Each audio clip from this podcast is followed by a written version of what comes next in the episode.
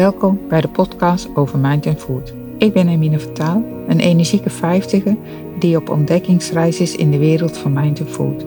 Met deze podcast duik ik in de wereld van voeding en lifestyle. Ontdekken welke tricks en tips ik voor mezelf wil toepassen.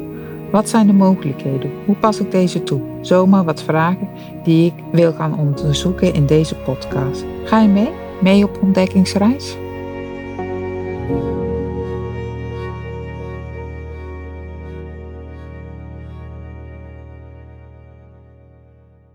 We weten het allemaal.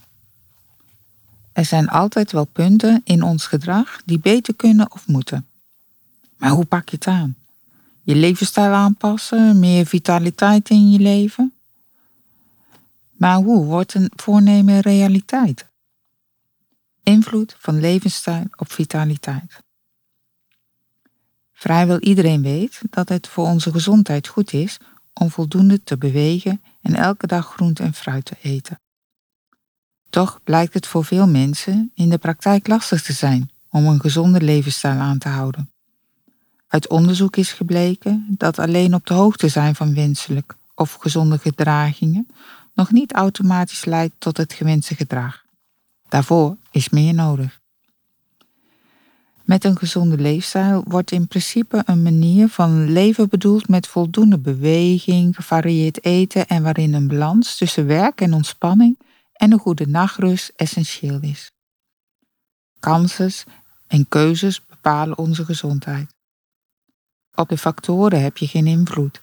Deze zijn veelal genetisch bepaald en kunnen ervoor zorgen dat je bepaalde ziekten kunt krijgen.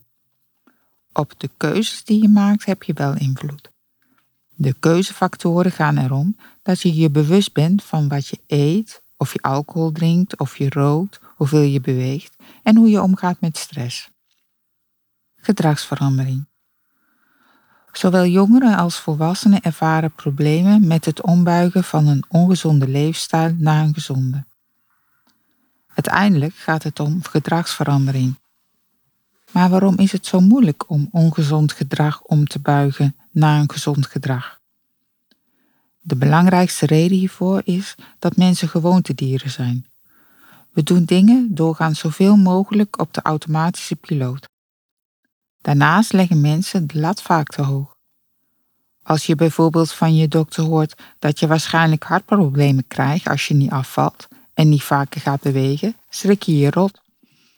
Zo'n mededeling is een enorme impuls om in actie te komen. Het gevaar is echter dat je op zo'n moment de lat veel te hoog legt. De aanvankelijke schrik zakt namelijk snel weer weg en daarmee ook de motivatie. Dan houd je het nooit vol om bijvoorbeeld vanuit het niets elke dag een half uur te gaan sporten. Begin dus liever kleinschalig met vijf minuten bewegen per dag. Voorzichtig opbouwen is veel doeltreffender dan vliegend van start gaan en na een paar weken weer stoppen. Ben Tichelaar noemt in zijn boek Doen uit 2003 drie redenen waarom veel veranderpogingen geheel of gedeeltelijk mislukken. 1. We kijken te veel naar resultaten en te weinig naar gedrag. Veel benaderingen van verandering, zowel binnen bedrijven als voor persoonlijke verandering, richten zich vooral op het formuleren van de beoogde resultaten en niet op het gedrag dat nodig is om die resultaten te bereiken. Daardoor ondernemen we meestal geen actie, vaak de verkeerde actie en soms de goede actie. Gedrag is echter de ontbrekende schakel tussen plannen en resultaten. 2. We managen vaak maar één kant van ons gedrag. Ons gedrag wordt niet alleen bepaald door onbewuste voornemens, onze intenties, maar ook door prikkels uit onze directe omgeving. Die prikkels roepen doorgaans automatische gewoontegedragingen op, waarbij we ons zeker en plezierig voelen. Succesvol veranderen vereist dat we onze intenties managen en de situatie waarin we oude gewoonten moeten overwinnen. 3. We zijn ongeduldig, werken ongestructureerd en gefaseerd. De eerste verandermethoden houden te weinig rekening met de tijd die we nodig hebben om tot succesvolle veranderingen te komen. Wanneer we bijvoorbeeld niet voldoende kritisch bepalen wat we echt willen, is de kans op een succesvolle verandering zeer gering. Een grote verandering kost al gauw een jaar. De Basic Change Methode. Iedereen heeft vragen over veranderen van gedrag. Welke factoren beïnvloeden je gedrag bij persoonlijke veranderingen? Hoe kun je samen met anderen eindelijk die verandering doorvoeren die je zo graag wilt? Hoe kun je het succes van veranderpogingen in organisaties structureel vergroten? Om blijvende veranderingen te bereiken is de Basic Change Methode, de basisverandermethode, ontwikkeld. Een relatief nieuwe, praktische combinatie van de meest effectieve inzichten uit de cognitieve psychologie en de gedragspsychologie. Door het fundamentele karakter ervan leent deze uitspraak zich voor diverse verandering. Individuele en gezamenlijke verandering, toepassing binnen zowel het privédomein als het professionele en maatschappelijke domein. Uitgangspunten van de Basic Change Methode zijn Veranderen draait primair om het realiseren van nieuw gewoontegedrag. Nieuw gewoontegedrag vergt management van gedragsintenties en van verandersituaties. Veranderen verloopt in verschillende fases en kost aandacht, energie en tijd. De Basic Change Methode omvat drie fases. 1. Get real. 2. Make plans. 3. Take action. 1. Get real.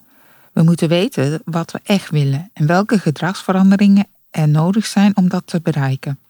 In deze fase ligt de nadruk sterk op bewustwording van wat we kunnen en willen en op het duidelijk en nauwkeurig formuleren van de eigen doelstellingen en gedragintenties.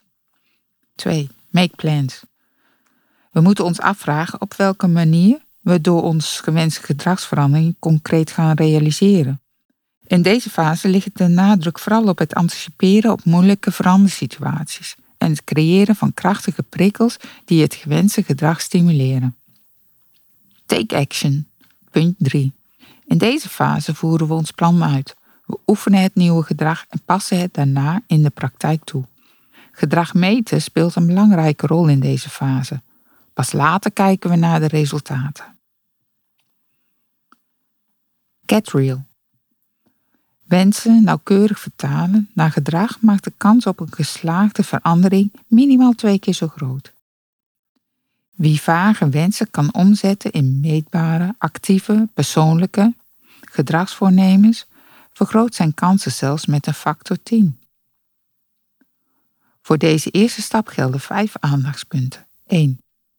Onderzoek wat mogelijk is. 2. Stel vast welke eindresultaten wenselijk zijn. 3.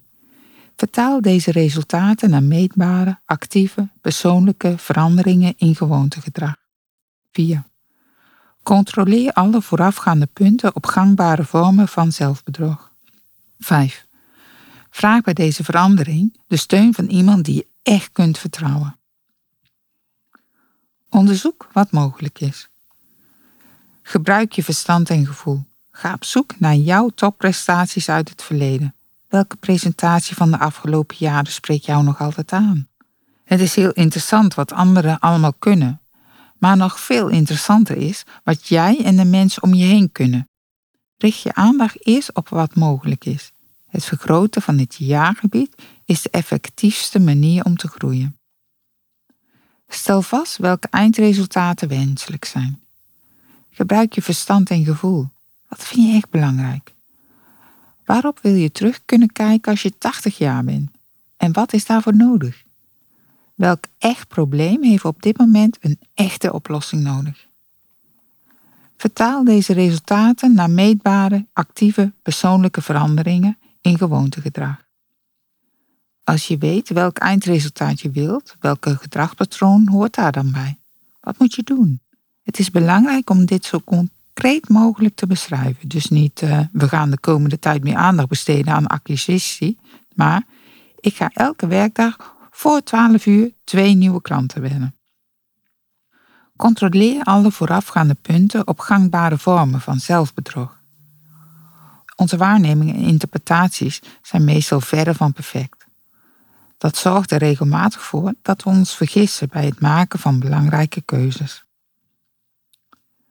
Vraag bij deze verandering de steun van iemand die je echt kunt vertrouwen. Doorloop belangrijke veranderingen niet helemaal op eigen houtje.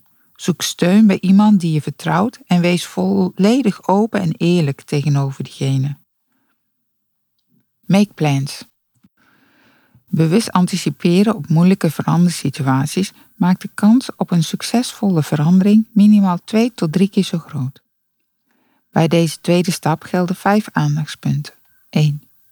Bepaal welke verandersituaties het gewenste gedrag het meest zullen bemoeilijken. Onderzoek welke prikkels binnen deze verandersituaties het starten en doorzetten van het gewenste gedrag hinderen. Bedenk extra prikkels en countergedrag om het gewenste gedrag te activeren. Maak een beknopt stappenplan. Warming up en start. Enkele tussenstappen en een vervolg. Maak duidelijke afspraken over de uitvoering van het plan, met jezelf en met anderen. Bepaal welke verandersituaties het gewenste gedrag het meest zullen bemoeilijken. Niet alleen onze intenties, maar juist ook de verschillende verandersituaties waarbinnen we ons nieuwe gedrag moeten vertonen, hebben een sterke invloed op dit gedrag. Vooral de situaties die het moeilijk maken om ons nieuwe gedrag te vertonen, zijn het bestuderen waard. Wees je bewust van de begindip. In het begin van een veranderproces ervaren we vaak gevoelens van verlies en frustratie. Het is belangrijk om je voor te bereiden op deze emotionele dip. Onderzoek welke prikkels binnen deze veranderde situaties het starten en doorzetten van het gewenste gedrag hinderen. Wat andere mensen doen en zeggen en wat verder in een moeilijke verandersituatie gebeurt, bepalen sterk ons gedrag van dat moment.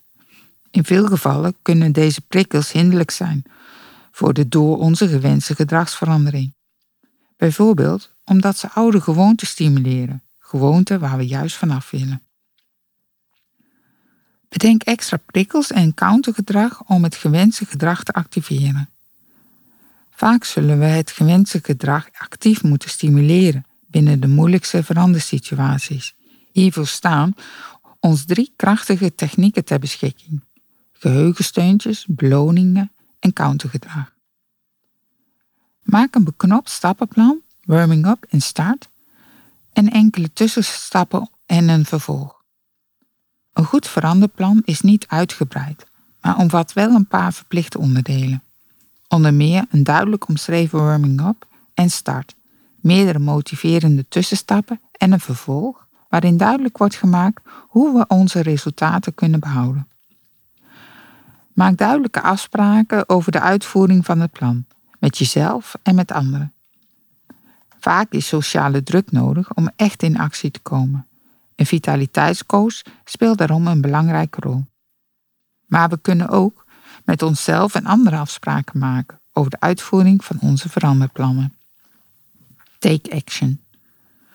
Gewenst gedrag meten en bekrachtigen is van groot belang bij het werkelijk realiseren van veranderingen.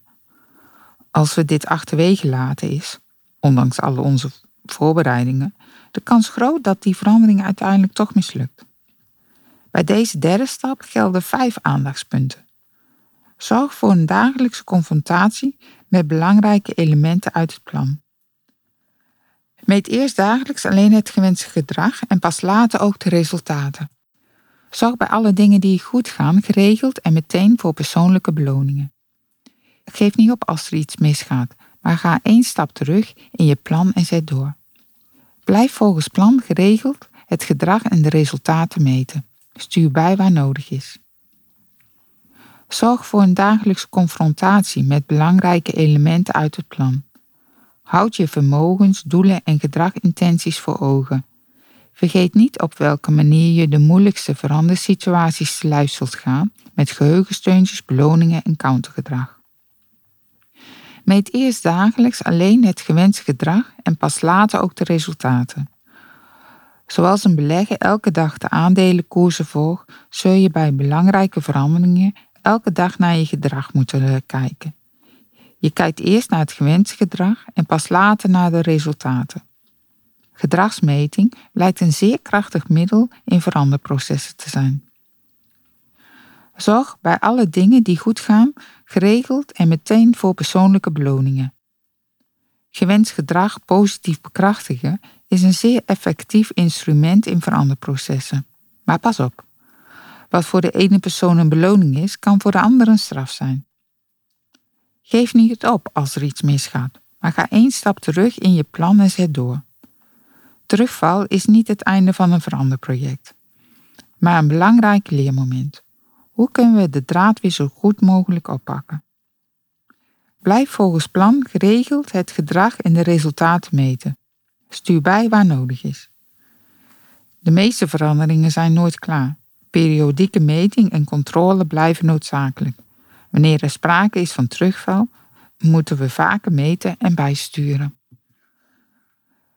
Vaak komen aanleidingen om te willen veranderen onverwacht, als een belangrijke kans of als een probleem. Misschien was er altijd al sprake van een stille wens, maar er is doorgaans iets voor nodig om die stille wens te activeren. Wat ga jij als eerste oppakken om een gezonde levensstijl aan te houden? Begin je met meer bewegen of ga je je eetgewoontes of slaappatroon aanpassen? Welke stap je ook kiest, ga werken met dit stappenplan en je zult zien dat het je gaat lukken. Je wens om een gedragsverandering in te voeren komt uit. Hulp nodig? Vraag hulp bijvoorbeeld aan mij. Ik help je graag met het begeleiden van je stappenplan. En ik? Ik ga ook met het stappenplan aan de slag. Mijn uitdaging? Meer bewegen. Bronvermelding. SIVAS, invloed op levensstijl en vitaliteit en ben tegen doen en dromen durven doen. Leuk dat je hebt geluisterd naar deze aflevering. Wil je meer ontdekken over dit onderwerp? Abonneer je dan of klik op volgen of delen. Of volg me op Instagram Hermine van Taal of kijk op www.herminevantaal.nl. Tot de volgende keer.